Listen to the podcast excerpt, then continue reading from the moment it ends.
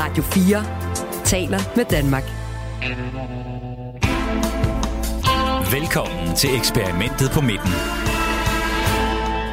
Velkommen til en særudgave af eksperimentet på midten. Pernille Rudbæk har taget live-knappen med på sommerferie, så i stedet har vi valgt nogle øjeblikke fra sæsonen, som vi synes fortjener at blive lyttet til igen. Det har på mange måder været et interessant forår i programmet og i dansk politik. I eksperimentet på midten, der holder vi øje med, hvad der egentlig sker, når man blander rødt arbejderblod med de blå liberale strømninger og tilføjer en lille smule lilla teknokrati. Det gør vi i samarbejde med et panel af tre kloge mennesker, der alle tidligere har været en del af en regering. Mit navn er Nikolaj Dupont, og i løbet af den næste time vil jeg tage dig med tilbage til nogle af de emner fra sæsonen, som skulle vise sig at definere SVM-samarbejdets første halve år. Du lytter til Radio 4. Det er svært at tale om regeringen på midten, uden at nævne den nok største elefant i rummet, afskaffelsen af Storbededag. Udover at gøre SVM-partierne upopulære blandt befolkningen, så var hele ideen også den perfekte konflikt for oppositionen. I programmet den 28. februar varmede panelet op til, at politikerne skulle i Folketingssalen og afskaffe Store Bededag. Og her så oppositionen sit snit til at drille regeringen. De stillede nemlig med alle kandidater, så regeringen måtte gøre det samme for at have sit flertal. Det betyder også, at de travle ministre måtte møde op og trykke på stemmeknappen. Og så fik det panelet til at mindes de drillerier, de selv har været en del af på Christiansborg. I panelet var den tidligere radikale minister Manu Saren, den mangeårige ordfører i Venstre Martin Gertsen og den tidligere særlige rådgiver i konservativ Anders Fransen. Du lytter til eksperimentet på midten på Radio 4. Jeg tror, at noget af det handler helt klart om, at man, man står øh, for en regering, og man, man føler sig afmægtig fuldstændig som opposition. Fordi det, det er fuldstændig rigtigt, det er øh, situationen. Og så derfor så bliver hele den her store bededag også, der er mange lag i det, det bliver mm. også en, et sympt, øh, symptom på, hvad hedder det, hvordan øh, tilstanden er. Og ja, vi havde den, øh, dengang jeg var kirkeminister, det var sgu ikke særlig sjovt, altså, og dengang kan jeg bare huske, at, øh, at biskopperne, de reagerede helt vildt og voldsomt, ikke? Øh, og nu behøver man ikke umiddelbart at blive bange for dem, ikke? men når de tropper op på ens øh, ministerium, øh, øh, uden hatte og stor, stokke selvfølgelig ikke, men og, og snakker om, at folkekirken vil gå amok og alt muligt andet, så bliver man sgu bange. Gjorde de det? Ja, ja, men sådan er det altid. Det har de også gjort den her gang. Det her, det vil være et øh, eklatant, øh, hvad hedder det... Men troppede de op på dit kontor og stod jamen, der ja, på man har altid øh, møder med de der biskopper ja. der. Og, og, men, men altså, nogle gange skal man også blive bange for sin egen skygge også, fordi jeg tænker, gud nej, og hvad er, det, øh, er, vi, er vi i gang med os? Øh, men jeg kan også bare huske, at de havde faktisk nogle gode argumenter, og det var det der med, at vi lever i et samfund, dengang sagde de, som, hvor der er fuld knald på, hvor vi har brug for tid til fordybelse og dage, hvor vi sådan lige kan slappe lidt af og, og så videre, så videre. Og vi tænker jo ikke over de der goder, vi har. Når de så begynder at blive taget fra os, og der bliver sat ord på, så er det klart, så kommer der en reaktion også. Ikke? Så men jeg var det de der store kræfter, som I var inde og røre ved, da I øh, stak øh, hånden ned i den her store bededags øh, suppe dengang, der gjorde, at det aldrig rigtig blev? Uh, jeg kan huske, at Hækkerup, jeg sad ved siden af ham, og man har sådan en ministermøde hver tirsdag, så kiggede han på mig, da vi snakkede om det, så sagde han, yes, så har, vi, så har det lykkes regeringen at gøre, gøre os utilpas med samtlige grupper i det her land her. Ikke? Uh, og jeg tror, man, man skal jo ikke lukke øjnene for, at man også er menneske, og, uh, og man sidder der, og, og man modtager jo mails og henvendelser, og man ser sit navn blive trukket igennem sølet også. Øh, og selvfølgelig påvirker det en, det er klart. Og som Martin også meget rigtigt sagde, der er rigtig mange, der ved her, der glæder sig til at få den her sag overstået. Og de fleste politikere, det kan jeg love dig for, de har i hvert fald den der sådan lille øh, nødgang op i hovedet, hvor de altid tænker, hvor er det bare rart, at uh, hukommelsen den ikke er så uh, lang og stor uh, hos uh, i befolkningen også, fordi den her sag, den bliver selvfølgelig glemt, uh, i hvert fald når der skal være valg, men den får konsekvenser, og det bliver sindssygt sjovt at se, hvilke konsekvenser den får. Det, altså, jeg har taget popcorn frem, det er der ingen tvivl om. Okay, hvad er det for nogle konsekvenser, ja, du glæder det, dig til, altså, at du skal spise popcorn ja, til? men altså, det bliver sindssygt sjovt at se allerede 1. maj, ikke? Altså, hvor uh, tingene plejer at være, hvor uh, Socialdemokraterne skal ud og tale. Ikke? Altså, ja, det skal de jo så ikke. Det skal de så ikke nu. Nej, de må stå udenfor. Ja, ja, nej, jamen, jeg, synes, det er, jeg synes, det er vildt morsomt at sidde og kigge på. Ikke? Så, så der kommer til at ske nogle ting i et stykke tid, og det, der har jeg jo den frihed nu. Og spise popcorn. At spise popcorn. Jesper har skrevet ind på 1424, vil man kunne finde på som medlem af regeringen at stemme nej eller blankt ud fra, at det kan koste ens post til næste folketingsvalget? Nej. I ryster samstemmende på hovedet, altså? slet ikke på det her tidspunkt. Der. Men mindre man havde sådan en, en exit-plan i forvejen om to-tre år, man skal finde en ny job, så kunne man godt bruge det som sådan, åh, jeg gør det lige. Vi skal også lige kigge på øh, dem, der står uden for regeringen her, fordi oppositionen har altså varmet godt op til den her afstemning fra morgenstunden. Klokken er 8 her tirsdag, hvor øh, vi skal tredjebehandle forslaget om at fjerne stor bededag lidt senere på dagen. Jeg øh, starter lige med at ja, komme lidt i form ved at spille squash, og så håber jeg da i hvert fald, jeg kan tage Ja, her er det Dansk Folkeparti's Morten Messersmith, der lige sender en lille hilsen fra morgens squash-træning. Vi er i hvert fald klar til at kæmpe både for folkeafstemninger og for, at de dropper deres forslag. Så følg med her på øh, kanalen. Øh, det bliver en spændende dag. Enhedslisten har også været ude og tage selfies sammen med demonstranterne med de røde faner foran Christian Christiansborg, og også Pia Olsen Dyr har nået at fange den på sin øh, kamerarulle på vej ind på borgen og smide den i sin story på Insta. Anderledes stille er der på statsminister Mette Frederiksens profil, hvor sidste opslag er fra søndag, hvor hun med en selfie foran middagsmadskokkerering takker netop Pia Olsen Dyr for den lækre hjemmestrik, som hun har taget på i øh, dagens anledning. Anders Fransen, øh, der har helt sikkert øh, været gang i sådan en længere kamp om fortællingen bag afskaffelsen af Stor Bededag. Oppositionen kører hårdt på. Er det også dem, der har vundet den her fortælling? Ja, det har de jo indtil videre, når der står, øh, når målingerne viser, at øh, 70 procent af vælgerne synes, det er en ualmindelig øh, dårlig idé. Men jeg vil også sige, som, og derfor er det jo også en god sag for oppositionen, og de skal også bare øh, klø på. Men øh, som Martin også er, er inde på, det ved regeringen jo også godt, at det her, det vil selvfølgelig øh, have en masse øh, vrede mennesker og, og en masse øh, negative øh, følger. Og de er nødt til at stå fast på det, øh, fordi de kan ikke bøje sig på det her. Jeg tror også, det næste, der kommer, er jo, at der kommer mange flere ting. Altså, øh, det har de jo også været ude at sige. Troels Lund har været ude at sige det. Der kommer alt det på uddannelse. Øh, der kommer på en, øh, på en række andre områder, landbrug og så videre, hvor de også skal, skal lave nogle meget drastiske reformer. Så derfor kan de ikke give sig. Så det er en, en, en perfekt konflikt også for, øh, for oppositionen. Det, jeg synes, oppositionen så skal være påpasselig med, det er, at det ikke bliver for øh, som Manu også er inde på, for uproportionalt, det man sådan gør i forhold til de politiske drillerier, fordi politiske drillerier, hvis de skal have vejgreb og opbakning i befolkningen, så skal man se, at de fører til noget, så skal mm. de på en eller anden måde have en, en, en, en nyttig øh, effekt. Og jeg tror, det er fint at få kæmpet den her sag, for der kommer meget mere, og man kan fortsætte med at skabe billedet og fortællingen af en meget magtfuldkommen regering, som jo også navigerer ud fra, at der er en krisesituation. Og det er lidt et åbent spørgsmål, synes jeg. Kan de blive ved med at fastholde den med alle de kommende reformer, øh, som de også vil i gang med at lave? Fordi hvis de ikke kan det, så kan man godt få en regering, der på nogen træk kommer til at virke sådan lidt verdensfjerne har et ønske om at forandre et samfund i en retning, hvor de fleste danskere måske sidder og tænker, det havde vi ikke helt bedt om. Øh, og, og det er den balance, der er. Og det spiller også meget ind i, hvordan undgår man, at, altså man skal lave de politiske øh, drilleri og benspænd og så videre som opposition, men man skal sørge for at gøre det på en måde, hvor det ikke øh, giver bagslag. Og fordi der er nemlig også en anden dybere fortælling, jeg er meget enig med dig, Anders, som handler om, at derude bag de tykke mure, Christiansborgs tykke mure, der kører en eller anden diskussion om, at folk er nedslidte, øh, folk er øh, stressede øh, og arbejder alt for meget, og øh, man har ikke tid til sit familieliv, og øh, så, så det, altså, det er jo narrativet, om man så må sige, ude på den anden side. Det kommer stor bededag fra, eller til ikke at gøre den store forskel på, øh, men, men det siger alligevel et eller andet om, at, at regeringen siger, at vi skal arbejde mere, arbejde mere, arbejde mere. Befolkningen er for en stor dels vedkommende, tror jeg, et helt andet sted. Men der altså, kører jo også en kæmpe debat om stress på borgen, faktisk.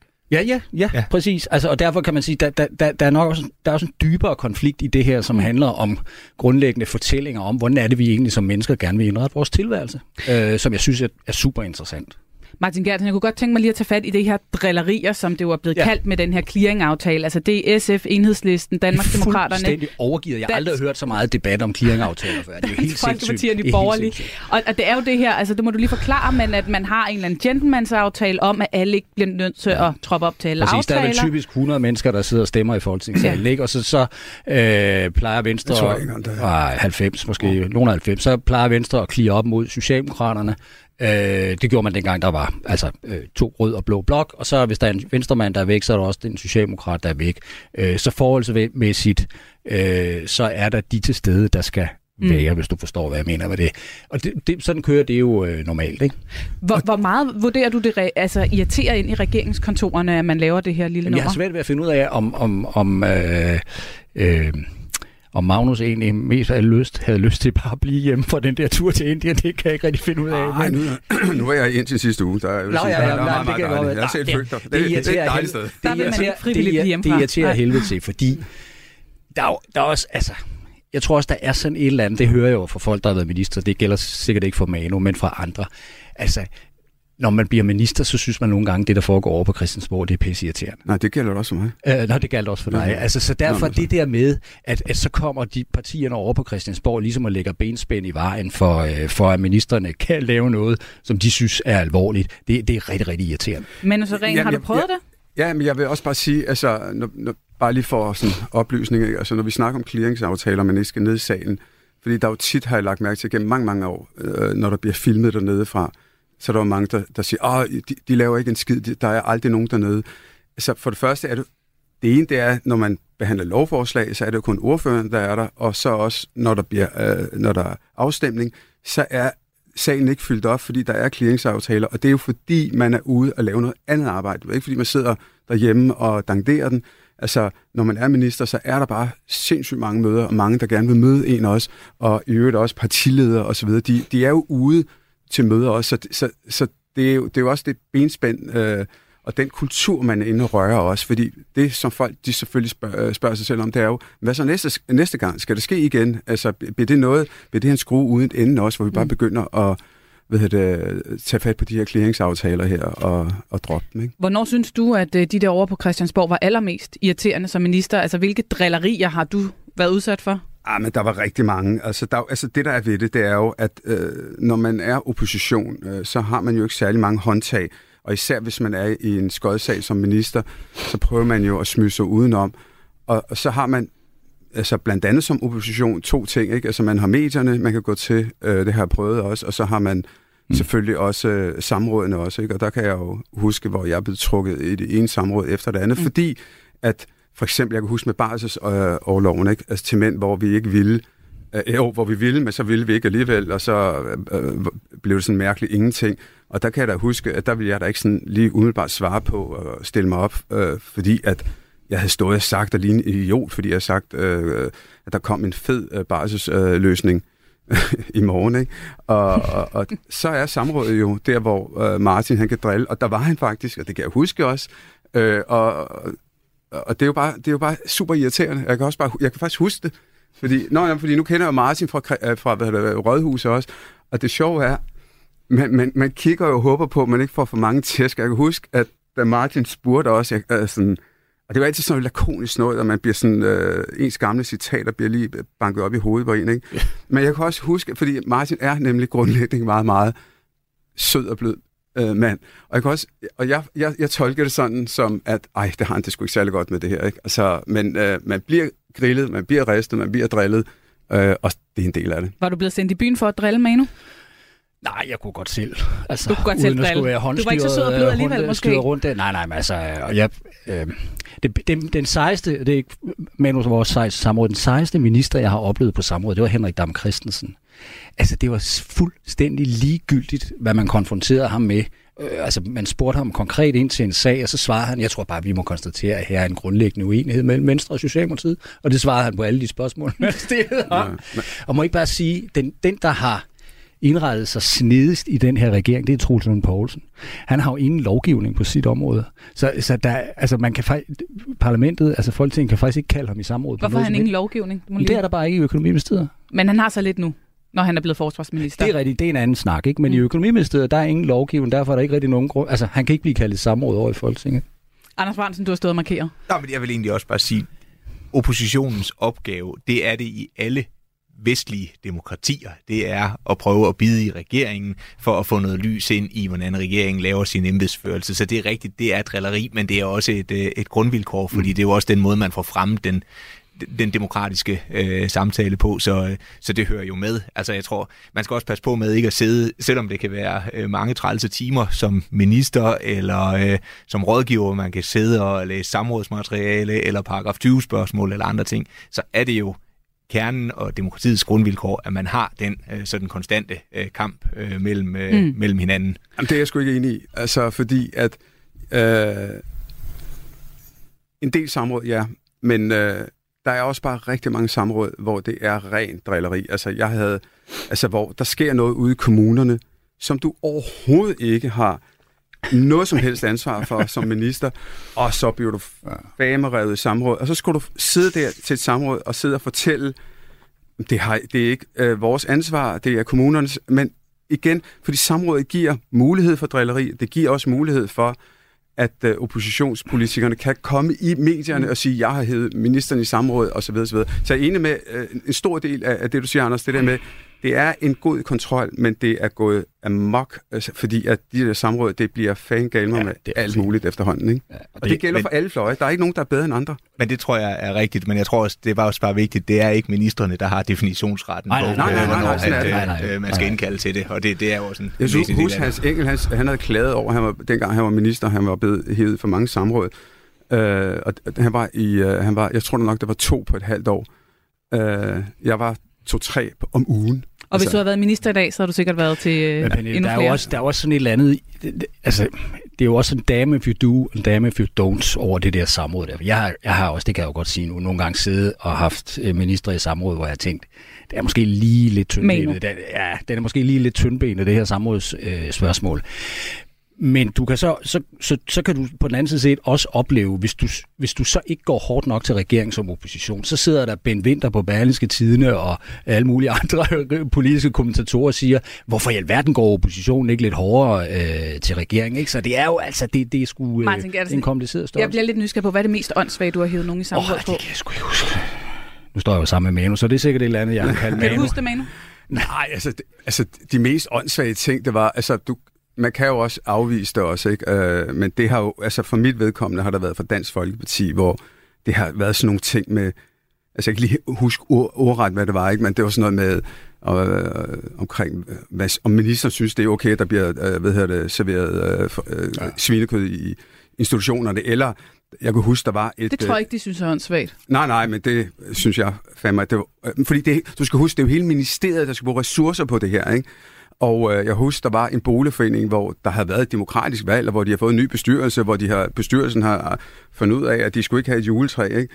Og det skulle jeg også forholde mig til. Og det er sådan nogle ting, hvor jeg sådan tænker, ah mand, ikke? Altså, det det, opponerer mod, øh, Anders. Det, det er det der med, at mit embedsværk, som har sindssygt travlt, skal begynde at bruge tid på at øh, hvad hedder det, øh, og ressourcer på at svare på disse spørgsmål. Ikke? Anders Fransen, du var også inde på, at der, der er en balance her i forhold til, hvornår det tipper og giver bagslag også for oppositionen, hvis, hvis det ikke ligesom fører til noget, de her drillerier. Øhm, man kan sige, i forhold til den her clearingsaftale, så er det jo faktisk også splittet oppositionen lidt. Det er jo kun fem af de ni partier, der er gået med på det. Mm. Søren Pape Poulsen var ude på Twitter og skrive, at øh, øh, del af Folketinget vil drille rejsen af nu i far, altså den her rejse til Indien, hvor flere minister skulle med, og der går grænsen for mig.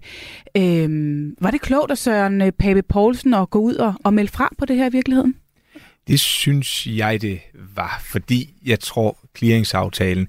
Altså, jeg, men det er jo igen sådan en fornemmelse, synes man, at sagen om Stor Bededag er stor nok til, at man ligesom vil mene, nu skal alle i Folketingssalen. Og hvis det var noget, der havde en større moralsk implikation, eller et eller andet, var det noget med, om Danmark skulle være krigsførende igen, eller i øh, et eller andet i den dur, så, så kan man bedre, men, men jeg synes ligesom, sagen mangler lidt, i og med, at flertallet også er så klart på, øh, på plads, øh, så, så tror jeg ikke, at det er noget, der sådan for alvor kommer til at, at interessere mm. øh, sådan den brede almindelige dansker, fordi resultatet bliver øh, det samme, øh, og du har ikke helt samme behov for at kunne stå. Der er ikke nogen af dem, der sidder nede i salen, som bagefter vil have et problem med at skulle vedkende sig, at de har stemt for det, fordi de vil alle sammen skulle vedkende sig, at, at de står bag den beslutning, der er blevet taget. Derfor synes jeg, at det mm. bliver, det bliver lidt unødigt, så der tror jeg, det er meget klogt, også af, af Søren øh, Pape. Ligger der her i sidste time en lille sejr til regeringen i, at man ender med faktisk at splitte oppositionen lidt her, inden øh, man skal ned i Folketingssalen og stemme? Ja, og det er noget, hvor altså det gælder sådan set det, både det, øh, hvor man jo netop, fordi man måske går en bro for langt, øh, så, så kommer man til at, øh, at få nogle af partierne, der siger, at ah, det begynder også at blive lidt uansvarligt. På et eller andet tidspunkt kommer vi jo også i regering igen, og vi har også behov for clearingsaftaler. Der er jo også altid en, en, en balance i, øh, i det. Øh, så ja, øh, på den måde gør det. Jeg tror også, hele diskussionen om en folkeafstemning øh, mm. omkring, øh, hvor man også ender med, at det er cirka 26 øh, mandater, der, der rent faktisk øh, støtter op om, der skal være en folkeafstemning. Det bliver måske også lige vidtgående nok i forhold til, hvad, hvad den her sag kan bære, og jeg tror, og så ender man egentlig med at stå med at få et lille nederlag, samtidig med hovedsporet, nemlig at danskerne er virkelig utilfredse med, at Stor Bededag bliver afskaffet. Det skal man jo bare blive ved med at banke løs på, fordi det er jo en reel politisk uenighed. Radio 4 taler med Danmark. Du lytter til eksperimentet på midten, hvor vi i dag bringer en særudgave. Redaktionen er gået på sommerferie, og derfor har vi lavet et lille potpourri af øjeblikke fra forårets programmer.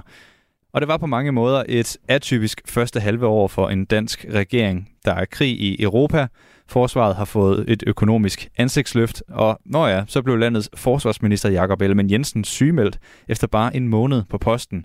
Det gjorde han få timer før sæsonens allerførste udsendelse af eksperimentet på midten. Derfor var Venstres formand også det første emne, som panelet debatterede her i programmet. I panelet der var den tidligere finansminister for Socialdemokratiet Bjarne Korydon, tidligere politisk ordfører i Venstre og medlem af konservative Britt Bager, og tidligere chefrådgiver i Venstre Steffen Hjaltelin. Du lytter til eksperimentet på midten på Radio 4. Britt Bager, hvad er der gået forud for at tage en beslutning som den, Jakob Ellemann Jensen traf i aftes? Det er jo klart, at de har haft en øh, snak i ledelsen omkring, hvordan det her skulle kommunikeres ud. Altså jeg håber, at, at Jakob har taget beslutningen selv og har lyttet til sin krop. Øhm, og det er det, der er gået forud, men, men det er jo klart, at det er jo ikke bare noget, der bliver meldt tilfældigt ud. Der har øh, formentlig været indkaldt til et gruppemøde i Venstre kort tid inden, 10 minutter i 8 eller noget i den dur, hvor gruppen er blevet informeret om, hvad, øh, hvad der hvad Jacob vil melde ud kort tid efter. Og når man gør det så kort tid inden, så er det jo fordi, sådan nogle ting har det med at lægge. Særligt i øh, Venstres folketingsgruppe kan man ikke holde på sådan nogle ting øh, ret lang tid ad gangen, har historien vist. Øh, men gruppen skal selvfølgelig informeres. Det er klart, de har også haft en drøftelse med, med partisekretæren øh, Stefanie Lose, hele ledelsen øh, har haft en, en drøftelse, og så vil jeg da tro, at, øh, at ja, Mette Frederiksen og Lars Lykke selvfølgelig også har været informeret ret øh, i forvejen. Bjarne Korydon, øh, du, nu har du ikke været formand for et parti, men du har siddet som, øh, i en magtfuld position som øh, minister i en regering. Hvor øh, voldsom og hvor svær en beslutning tænker du, det er at, at træffe, at man tager overlov for så vigtig en post på så vigtigt et tidspunkt? Jamen, det tænker jeg er ret voldsomt og, og svært. Der er næppe nogen tvivl om, at, at han er fuldstændig bevidst om, øh, at, at, øh, at hvis det ligesom havde kunne lade sig gøre, ville, ville han sikkert have foretrukket at, at lade være. Det, det er jo en, en, en åbenlys ulempe for ham selv og, og, og det parti, han repræsenterer den regering, han, han sidder i, og, men, men, men derfor jo også respekt for, at han har truffet beslutning. Øh, det synes jeg, der er en, en i mine øjne velgørende modernitet over. Øh, jeg tror for, for 10 eller 20 år siden havde man måske bare kørt sig selv ned under gulvbrædderne, og det, det har han så mm. valgt ikke at gøre. Så i din så, tid så, gjorde respekt, man ikke sådan noget? Ja, det ved jeg ikke, men man, man, man gjorde det maler jeg sådan med den brede pensel, og det, men jeg, jeg tror da, at der er kommet en udvikling i tiden, hvor vi heldigvis øh, at der er et rum for, at man kan lytte mere til, til, til sin krop, og der kan være et rum for, at, at det her det kan ske for alle, alle mennesker, øh, og at man ikke selv er herre over det. Øh, så det har jeg egentlig respekt for, og, og det synes jeg egentlig er, er sådan, måske det, det lille, lille lys, der så er i den, den situation. Ikke? Men, men det ændrer da ikke på, at, at, at selvom det er sådan, så er det selvfølgelig en, en alvorlig og en alvorligt negativ øh, beslutning i forhold til, til det politiske, og det, det er jeg helt overvist om, at, at han har analyseret igennem mm. på alle ledere og, og kanter, ikke? Mm. Og så tænker jeg, at man, at man, altså nu synes jeg, at vi skal snakke om det, og det er jo spændende, men, men det ligger vel også, hvis den der, det der lys i tiden, jeg prøver at snakke om, skal, skal tages alvorligt, så skal man vel også vise manden en eller anden form for respekt. Ja. Øh, og det vil sige, at i den respekt ligger vel også, at vi ved jo ikke, hvad han fejler, vi ved ikke, øh, hvordan det stiller sig øh, ind i ham, og, og det skal han vel også have lov at have for sig selv. Mm. Og vi kommer tilbage til så det, som øh, man kan sige, han ikke har for sig selv, altså den virkelighed, der så er yes. efterladt øh, nu, hvor han har trukket sig. Men Steffen Hjaltelin, jeg kunne godt tænke mig lige også at høre dig. Du kender jo Jakob Ellemann Jensen godt øh, fra din tid i Venstre. Var du overrasket over, at øh, han meldte det her ud? Ja, jeg tror, alle var overrasket over det at, øh, at han havde det sådan. Vi blev nok overrasket allerede, da vi hørte det i, øh, han, blev, han, blev, han blev hastet til Rigshospitalet i, i sidste uge. Men ellers er Bjarne Korten jo fuldstændig ret, at det kan jo øh, ske for enhver, og det nye er nok, at man, øh, at man indrømmer det i stedet for bare at øh, fortsætte med at, øh, at arbejde indtil man ikke kan mere. Så, øhm, så, så selve det rent, øh, det rent øh, fysiske udmeldingen er måske ikke øh, så overraskende, men det er klart, at det giver, sætter ham i en svær situation, og det sætter, mm. øh, afhængig af, hvad, hvad de gør, og i særdeleshed med Stephanie Lose, kan vi måske komme tilbage til, kommer til at være en særlig situation. Nu øh, listede alle de her punkter op, hvor de forskellige meldt forskellige ting ud. Hvor koordineret er udmeldinger i forhold til timing og indhold, når vi ser de her personlige hilsner på Facebook fra statsministeren og Lars Løkke Rasmussen osv.? Ja, i hvert fald alle dem, der er internt i Venstre, de er fuldstændig koordineret, og, og med statsministeren og Lars Løkke vil også Hvorfor være. egentlig? Jamen det er fordi, man bare vil sikker på, at man har styr på narrativet. Altså hvordan man, øh, hvordan man, hvad der er for en tone, man har i det. Mm. Øhm, og nu kan man sige, at den her er så åbenlys, fordi hvem på, hvad pokker skulle man andet sige, end at pas på dig selv, og det er godt, du gør det. Så den har måske været nem nok at styre, men, øh, men jeg tror nu alligevel, at øh, man har valgt at koordinere det og lige øh, give en melding om, hvordan man, og mm. i hvert fald bare i overskrifter, hvordan man har tænkt sig at respondere, så man har styr på det. Der skal ikke komme nogen overraskelser den første time med sådan en udmelding. Men noget, jeg blev mærke til i det narrativ, så du, du snakker om, man koordinerer, det er mange, der skrev, at vi glæder os til at få dig tilbage. Tror du, det har været vigtigt at kommunikere ud, at han kommer tilbage? Ja, altså det er jeg helt sikker på. Der er no, altså, fordi i virkeligheden så er det jo lidt specielt, at han ikke selv øh, skriver, hvornår han regner med, at han var tilbage, eller nu tager en kortvarig pause eller noget, så han åbner jo selv for spekulationer om, hvorvidt det kan være kort eller lang tid, som har en kæmpe stor betydning for, øh, eller indflydelse på, hvad det betyder, kommer til at betyde politisk for den politiske ledelse. Og der er der så andre, som, som ved at sige, at vi glæder os til, at du kommer tilbage, måske indikerer, at det ikke er noget, der sker om et år, men øh, måske før da. Uanset hvor øh, umenneskeligt og forståeligt det jo er, at vi kan alle sammen blive, øh, blive ramt af stress, så har det her jo nogle benhårde politiske konsekvenser. konsekvenser. Øhm, blandt andet, hvis vi kigger på Venstre, der kan man jo ikke øh, undgå, at det her kommer til at give rystelser øh, gennem et allerede ret presset øh, parti, som Venstre jo er lige nu. Vi skal lige høre en lille lydbid fra øh, Anders G. Christensen, der er gruppeformand for Venstre i Region Midtjylland, og som var med i vores radio her til morgen. Det er aldrig gunstigt, når man ikke har... Øh en øh, kampklar øh, formand, men omvendt, så, så er, er det også vigtigt, at man øh, passer på sit øh, helbred. Øh, politikere, de er også øh, mennesker. Øh, det skal man huske på. Øh, det, er ikke, øh, det er ikke bare sådan et spil Mikado, vi laver sygdom. Det er man som sagt ikke øh, herover. Og øh, jeg synes faktisk, det er en modig beslutning, Jakob øh, Ellemann har taget ved at passe på sit øh, helbred for at kan passe på os andre. Jeg er jo også fuld af forståelse her, sådan er det jo hele vejen rundt øh, om nu, men han er jo også ærlig at sige, at det er, det er aldrig en god situation, når, når formanden sådan må trække sig. Britt Bager, du kender Venstre ud og ind. Hvad betyder Ellemands overlov for partiet Venstre? Jamen, der er jo ingen tvivl om, at det har stor betydning for Venstre. Det ville det også have, hvis det var Socialdemokratiet eller, eller Moderaterne. Det er jo frontfiguren, der, øh, der trækker sig her. Jeg vil dele det op i to, øh, to dele først og fremmest det indre liv i, øh, i Venstre og baglandet. Jeg tror faktisk, at både Stefanie Lose og Troels Lund Poulsen nok skulle have, have, skal have styr på den del, altså både Venstres bagland, vi hører her Anders G. Christensen, der bakker op. Det tror jeg også, borgmestrene kommer til. Øh, I stor grad medlemmerne, øh, selvfølgelig hele folketingsgruppen. Og i forhold til den daglige drift, der er jeg egentlig ret tryg ved, at både øh, altså, Truls Lund Poulsen, Sofie Løde, de stærke ministre, kan, kan drifte Venstres øh, regeringssamarbejde videre. Det sted, hvor jeg tror, det kan få en, en, en ret stor betydning, det er i forhold til kommunikation med omverdenen, med vælgerne. Øh, der er Jakob Ellemann bare en, øh, en, en stærk karakter, en stærkt kommunikator, øh, og har været et, øh, ja, et stærkt ansigt udad til for Venstre, hvor man kan sige, at, at hverken Troels Lund Poulsen eller øh, Stefanie Lose med al respekt har øh, den samme øh, karisma og den samme øh, brænder ikke igennem på helt samme måde. Så, så bliver det en længere sygemelding, så tror jeg, der vil være en udfordring i forhold til, øh, til kommunikationen udad til. Vi har fået en øh, uh, sms fra Jesper. Han skriver med Jakob Ellemands sygemelding, så er det vel reelt slut med at kunne blive statsminister i Danmark. For mange vil vel kun se ham som svag, mener uh, Jesper. Uh, det, det må så være uh, hans vurdering, men altså, uh, hvis vi skal tage det lange blik på her, kan han komme igen? Ja, ja, det tror jeg sådan set godt, han kan. Men jeg, jeg, jeg tror, det, der bliver mest interessant øh, for os alle sammen at følge, det er, hvor lang tid det tager, og hvor meget Stefanie Lose har tænkt sig at fylde i det her.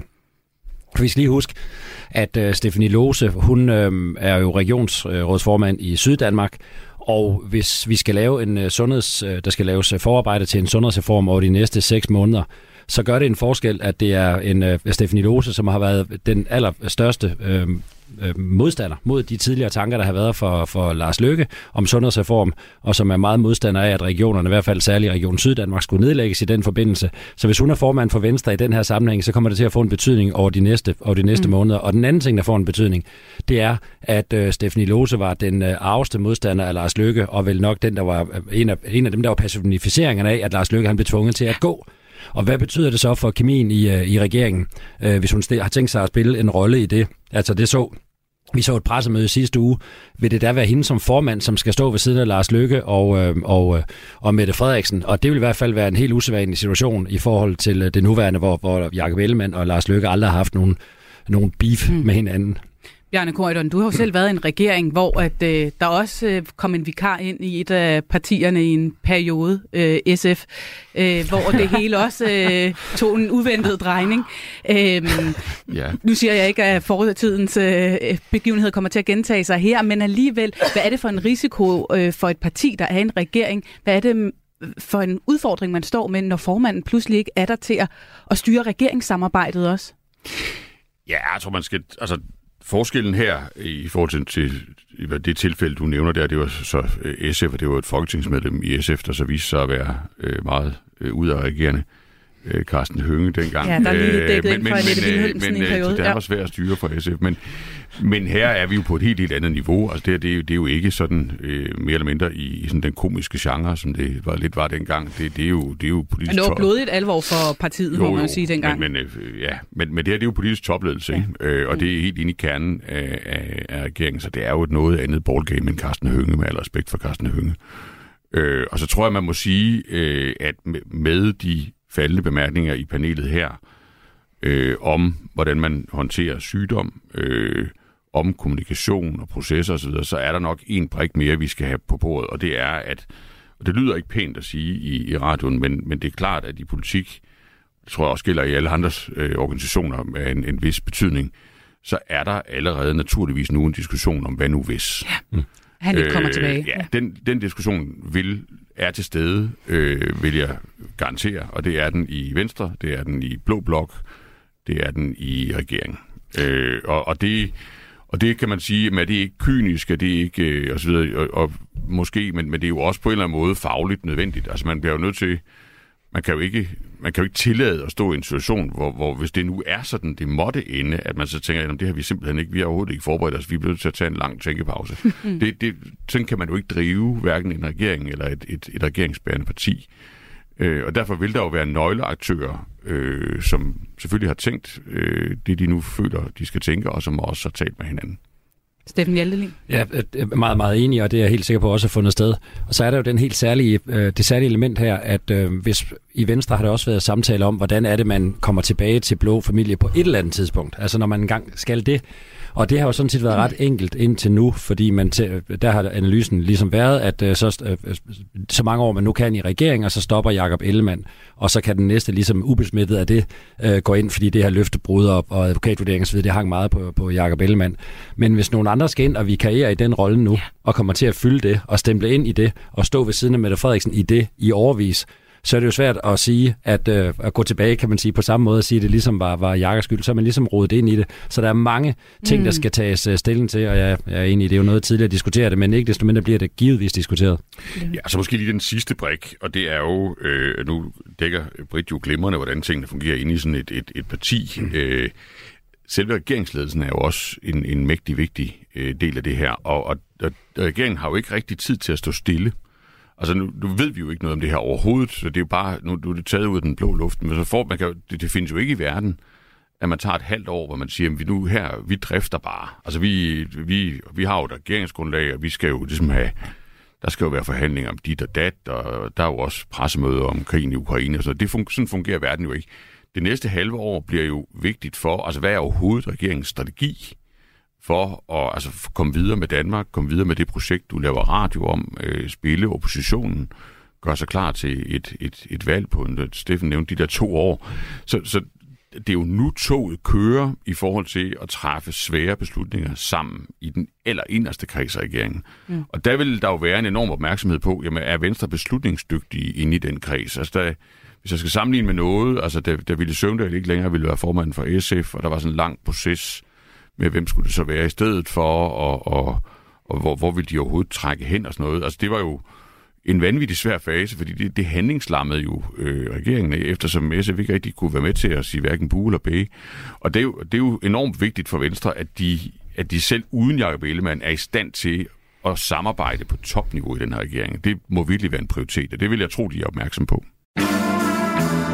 Radio 4 taler med Danmark. I eksperimentet på midten kigger vi i dag tilbage på forskellige øjeblikke fra sæsonen. Regeringstoppen er løbet med meget af opmærksomheden i SVM-regeringens første halve år. En måneds tid inden sommerferien tog Mette Frederiksen så for alvor sin plads i rampelyset, da rygter om hendes kandidatur til posten som generalsekretær i NATO kom frem. Rygterne fik Socialdemokratiets kaffeklubber til at vågne op til død, og et internt kampvalg gik i gang, selvom formanden egentlig selv afviste rygterne gang på gang. Den interne strid i Socialdemokratiet var ikke noget, der huede den tidligere finansminister i partiet, Bjarne Korydon. Han var en del af panelet, da eksperimentet på midten tog på folkemødet og diskuterede kaffeklubberne i Socialdemokratiet. Udover Bjarne Korydon sad også tidligere justitsminister for konservativ Lars Barfod og tidligere chefrådgiver i Venstre, Steffen Hjaltelin. Du lytter til eksperimentet på midten på Radio 4. Øh, Bjarne Korydon, du kender de her kaffeklubber Yep. indgående. Yep. Tag os lige med ind i kaffeklubberne og forklar os, hvad det er, der foregår i de her kaffeklubber. Hvad er, øh, hvordan er det, det fungerer på? Jo, det skifter jo over tid.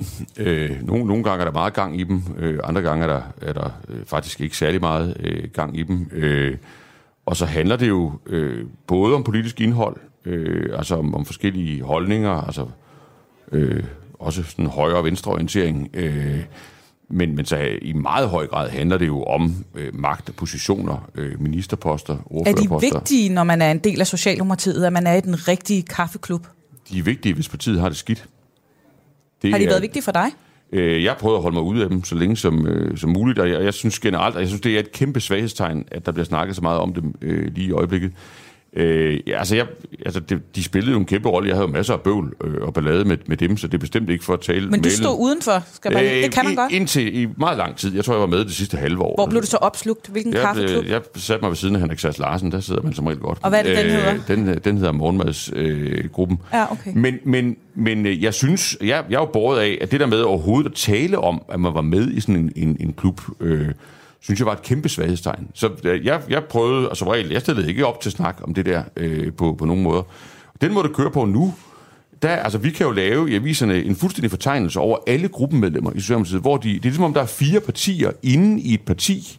Er det, det morgenmadsklub, frokostklub, netværk og og det der med, at de kaffeklub? mødes, og, og altså, det er jo ligesom en scene for Godfather. Det er jo ligesom The Gangs of New York, øh, der, der mødes og, og, og taler om, hvordan de skal dele øh, prostitution og narkohandel imellem sig i, i forskellige dele af byen. Det, det, er jo, det er jo taberagtigt i en grad, man næsten ikke kan rumme. Og det er, jo, og, og, og det er så statsministerpartiet. Og det, det synes jeg simpelthen, at det, de er simpelthen nødt til at få ryddet op i. Det, det er helt galt. Men Hvordan gør man det? Jamen, det gør man jo ved, at man bliver jo nødt til at få fundet ud af, hvem er det, der bestemmer her, og på hvilke betingelser.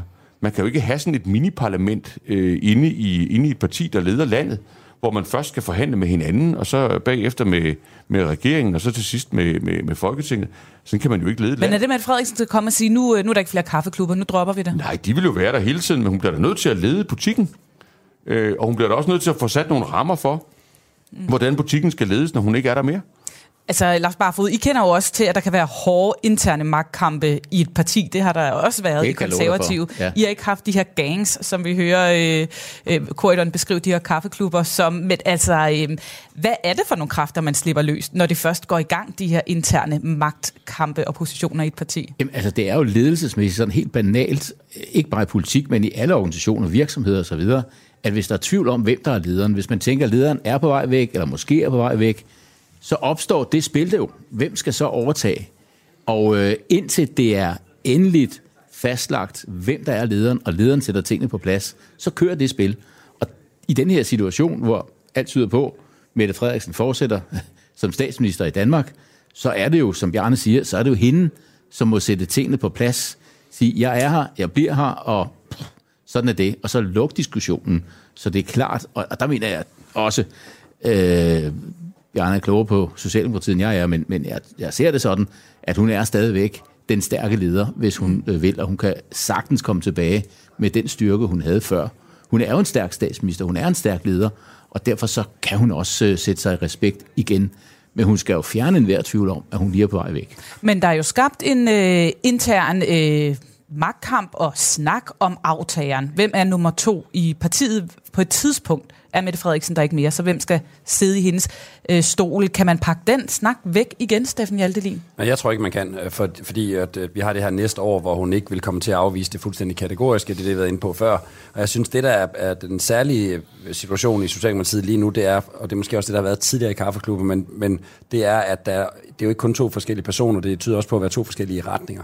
Og det har jeg jo fulgt i, på første hånd i, i Venstre øh, i 2019, da Lars Løkke ville bevæge Venstre ind mod midten, og øh, det var Christian Jensen vildt sagt ikke enig i. Øhm, og the rest is history. Altså nu er der ikke øh, et, et Venstre, der er splittet op i tre partier, og øh, det var jo, som man siger, det kunne aldrig ske for Socialdemokratiet, en, en, en splittelse i tre partier, men det var det ved Gud heller ikke nogen, der troede for, for, for fem år siden kunne ske for Venstre. Så hvis, det også er, hvis der også er forskellige ideologiske retninger, en Hummelgaard, der vil gerne tilbage til en rød-grøn øh, alliance, og en Vammen og en Bødskov, som, som gerne vil fortsætte en mere reformvenligt, øh blåligt øh, spor, så, så, er det, så, så, så, så kan det bare få meget mere øh, fat i baglandet i forskellige grupperinger, og så kan det blive rigtig, rigtig virkelig svært at kan, kan splitte partiet i længere tid. Fordi det her, det får, og det er lang tid, hvis det er et år til, altså hvis det er over et år, man har øh, til at dyrke det her, til at dyrke sin forskel i over et år, så bliver det utrolig svært at få lappet det, lappet det igen bagefter. Kan det splitte Socialdemokratiet, den her debat om aftageren? Hvis, hvis du med splitte mener, om, om partiet går i stykker, så nej. Absolut. Ikke ligesom Venstre. Det, det mener jeg noget sludder. Øh, og det er heller ikke det, du siger. Altså overhovedet. Øh, det mener jeg ikke kommer til at ske. Der, der er det alligevel så meget et, et magtparti. Men det kan paralysere Socialdemokratiet og gøre partiet svagt. Øh, og det er jo risikoen. Og det der jo, det der jo, hvis man skal lægge til med risikoen, ikke, så det der jo godt kan ske, det er jo, at der opstår sådan en barnlig øh, stemning i hovedet på de her aktører, hvor de tænker, at det her det er så spændende et spil. Fire kaffeklubber mod hinanden. Hvem skal være den, og hvad skal vi så have til gengæld? Og så tror man, at, at, at det er så hele verden. Så hvis nu vi kan blive enige med hinanden, eller hvis tre af de her klubber kan tæve den fjerde, eller hvad den pokker det kan være, så er alt jo godt. Det man nu lige glemmer, det er, at Socialdemokratiet er ikke hele verden. Øh, det, det er bare en, en del af Folketinget, det er bare en del af regeringen. Så lige ved siden af, så står der to andre regeringspartier og siger, jamen det er da godt være, at I kan blive enige om, at det hele skal være lidt mere rødgult, eller, eller, eller hvad det skal være. Men det er da ikke det, I har aftalt med os. Og vi, vi, nu har vi siddet og ventet på jer i, i tre, fire øh, måneder, mens vi har kigget på I skændes. Men skal vi ikke videre med det her regeringsprojekt?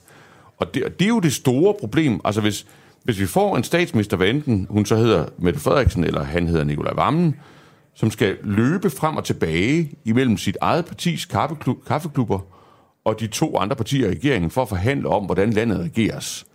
Det er svagt. Og, og, og det, den situation, altså det, det er det mest farlige for den her midterregering og overhovedet, at vi lander der. Så bliver de nødt til ligesom at få udnævnt, det er varmen, der er nummer to, og få, altså på den måde få lagt ro på det, eller kan de leve videre i en tilstand, hvor det spørgsmål stadig hænger og svæver? Hvis du, det vil jeg stærkt anbefale. Ja. Altså jeg vil stærkt anbefale, at man får sat på plads, at selvfølgelig er det ham, og jeg mener heller ikke, der er nogen reelt tvivl om, at det er ham. Og jeg mener også, man bliver nødt til at få på plads, at det er ham med reformpolitik. Det er ikke ham øh, med, med sådan et skridt tilbage fra, fra den idé, SVM-regeringen har været. Øh, tværtimod måske faktisk et skridt frem. Så det, er, så det er ham med hvilken finansminister? Ja, det bør, det bør, altså efter min vurdering, så, så bør det jo ikke være en finansminister, der afspejler sådan en eller anden fredslutning i, i Socialdemokratiet, hvor, hvor man er lidt af hvert. Det bliver jo nødt til at være en reformstatsminister. Så, eller reform, så, undskyld, reformfinansminister. Og det betyder Bødskov og ikke Hummelgaard?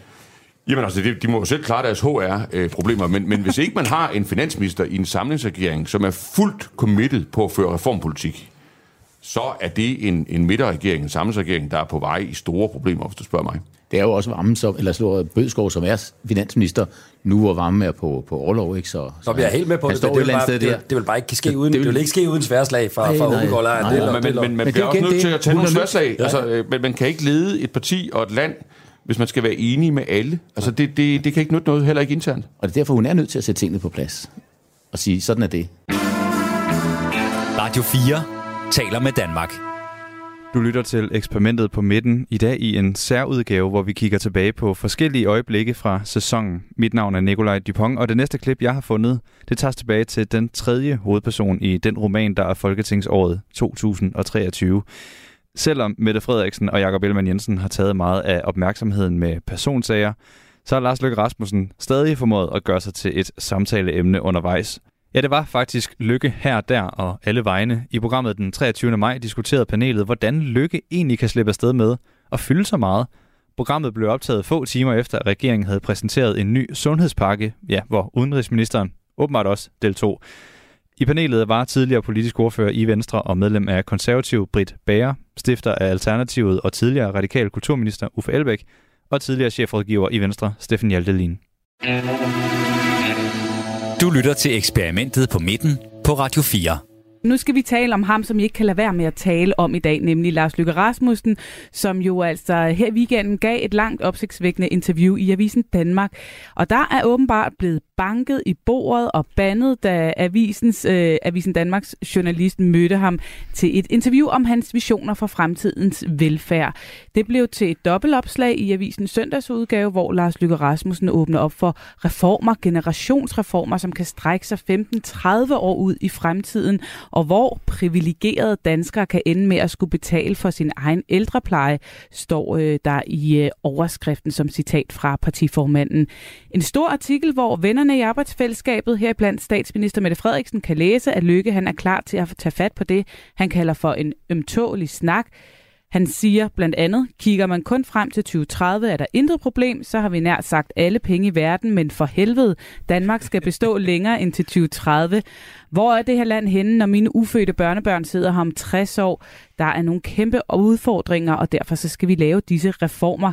Steffen Hjalteline, har Mette Frederiksen fået kaffen galt i halsen, da hun har stået op og har læst den her øh, søndag, eller vidste hun godt, at øh, det var det, hun skulle øh, læse, når hun bladrede op i Avisen Danmark?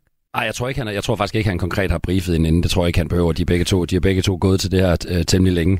Øh, det kan godt være, at, øh, at hun synes, han måske lige har, har øh, skærpet pinden, eller øh, øh, lidt, lidt for meget, øh, fordi det, det skal jo samles op også af hende. Og så er jeg jo det enig i, hvad øh, øh, Uffes kommentar fra tidligere på et eller andet tidspunkt, så synes hun måske, at han shiner lige rigeligt, altså fylder lige rigeligt.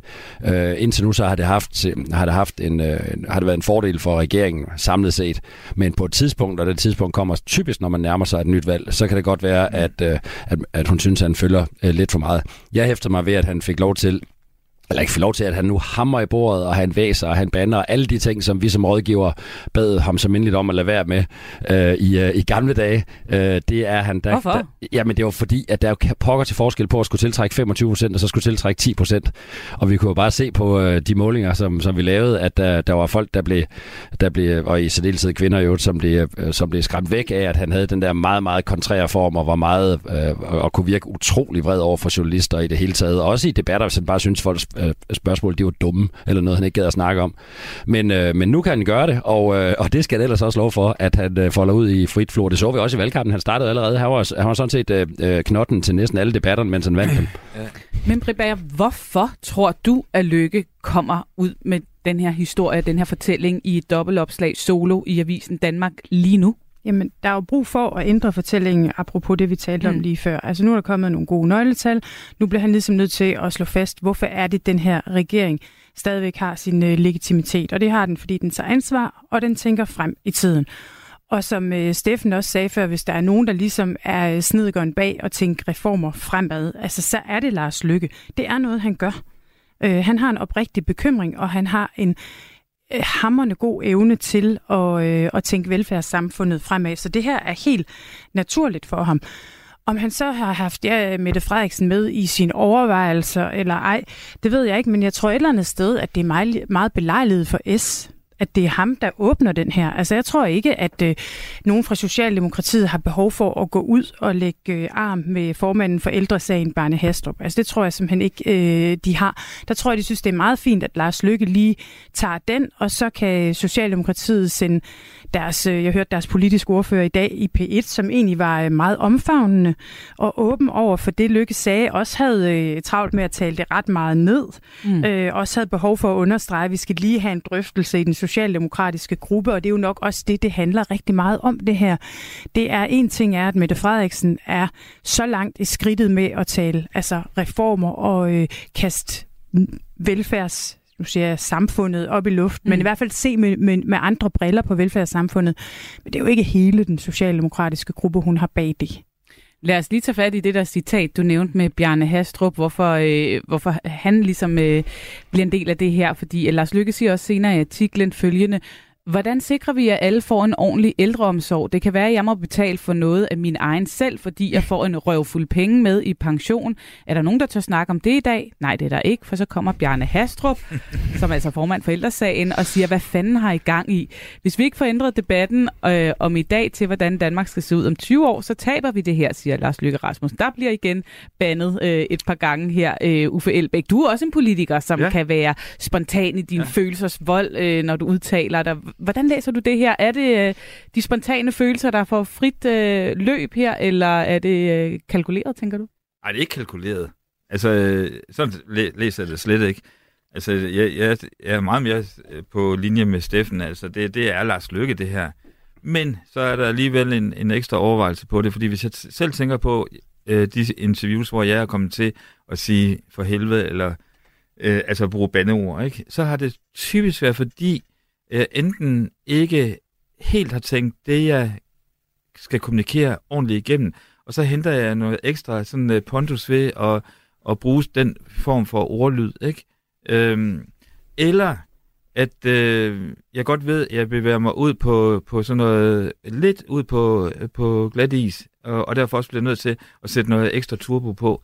Så jeg ved ikke, om han det, det er en ren fantasi, det jeg kommer med nu. Ja, det er, med. at øh, han vidste godt, at øh, med den udmelding, så øh, har han måske taget den lidt for meget solo. Og derfor bliver han nødt til at give den fuld hammer. Øh, og det, det, det går så igen tilbage til dynamikken mellem ham og så Mette Frederiksen. Og jeg, jeg skal jo ikke spå om, hvordan den her regering den ender, men jeg, jeg kigger ind i sådan øh, de næste halvandet år, hvor de to egoer kommer til at støde mere og mere øh, til hinanden, og på et eller andet tidspunkt, så, så skal der ske noget i den dynamik, fordi at øh, det minder lidt for meget om øh, det, jeg jo selv kendte lidt til, nemlig dynamikken mellem Margrethe Vestager og øh, Helle Thorning. Altså, en af dem skal et andet sted hen. Og hvor det, hvem det er, det skal jeg ikke uh, kloge mig på. Du nikker, uh, Steffen Hjalte. Ja, er men det, det, det, det, det, jeg var lige inde på det før. Det er jo en, det er jo, det, er jo, det kan jo blive en, øh, en gevaldig udfordring, og meget af det her det afgøres af meningsmålingerne faktisk. Uh, hvis, hvis, uh, hvis, hvis det går vel, og meningsmålingerne begynder at uh, stige, og det her det begynder at ligne en succes, det er jo ret langt fra at være en vælgersucces på nuværende tidspunkt. Altså regeringen? Regeringen som sådan, ja. det vi taler om. Uh, men men hvis, hvis det begynder at ligne en succes, så kan man sige, at så er kombinationen af Lars Lykkes idérigdom og generationspolitik med, med den uh, vilje, eller den der stålsatte evne til at få ting igennem, som Mette Frederiksen uh, har vist i alle mulige andre sammenhæng, altså, og så derudover den uh, forbindelse, man har til fagbevægelsen, havde til fagbevægelsen mm. før stor veddag i Socialdemokratiet, ja. det har man nu nok stadigvæk mere end, mere end, end, end Venstre Moderaterne har det i hvert fald. Så i den, i den bedste af alle verdener, så kan det jo være et, par, et, et meget, meget fantastisk parløb med hans idé om, og hendes, og hendes stempelindkraft, kan man sige. Men i den dårligste af verdener, så er det, de kommer til at kæmpe om det samme rampelys, og øh, jo, jo tættere vi kommer på et folketingsvalg, jo mere øh, intensiveres kampen om rampelyset. Så det er, det er jeg helt enig i. Så det, skal vi, det, skal vi, det, det kan vi simpelthen følge fra uge til uge. Og ja, hvis, hvis, hvis lytterne skal følge med i, hvordan det går, så skal de bare følge med i meningsmålingerne. Så, fordi hvis de begynder at nærme sig og krybe over 50 procent, så vil vi se forbedring og glæde. Og hvis mm. de ligger nede under omkring 40 procent, øh, så vil vi øh, sandsynligvis se, at det bliver lidt strammere. Ja, jeg For, fordi man begynder at tænke i, hvad der skal ske på den anden side af den her regering. Allerede nu, det er jo kun en Jamen, halv år gammel. Halvandet år, der er halvandet år til, før det begynder at... Ja, vi, fik jo, vi har altid haft, helt, ja. helt tilbage, da jeg har arbejdet for få, så har det været, at når man går ind i anden halvdel, ja. så skulle det være klar til et valg. Ikke? Uh, og men vi går da ikke ind i anden halvdel uh, Nej, nej, nej, nej, nej. Men, så begynder man at tænke, nu er der ikke så lang tid, til vi går ind i anden halvdel. Ah, altså, så, okay. så, wow. Nå ja, men sådan er det. Uh, så, så, så, så fra, ja. fra i hvert fald om et år, så vil man begynde at tænke over det. Radio 4 taler med Danmark. I eksperimentet på midten kigger vi i dag tilbage på forskellige øjeblikke fra sæsonen. Og hvem kan så egentlig være mest tilfreds med SVM-projektet indtil videre? I hvert program har paneldeltagerne peget på det parti, de mener var kommet bedst ud af den forgangne uge. Og nu kan vi med rette gøre boet op. I løbet af sæsonen har Venstre fået 15 stemmer i panelet. Socialdemokratiet har ligeledes fået 15, mens Moderaterne har fået mere end dobbelt så mange. 33 styks har de fået i alt. Måske det betyder, at vi kan konkludere, at Lars Løkke Rasmussen indtil videre er den, der kan være mest tilfreds med SVM-regeringen hen over midten. Med de ord, så vil jeg sige tak for i dag. Det var nogle af sæsonens højdepunkter her i eksperimentet på midten. Tak, fordi du lytter med til programmet. Vi er tilbage igen med en ny sæson i august. Mit navn er Nikolaj Dupont, og indtil vi lytter ved på den anden side, så have en rigtig god sommer. Du har lyttet til en podcast fra Radio 4. Flere episoder i vores app, eller der, hvor du lytter til podcast. Radio 4 taler med Danmark.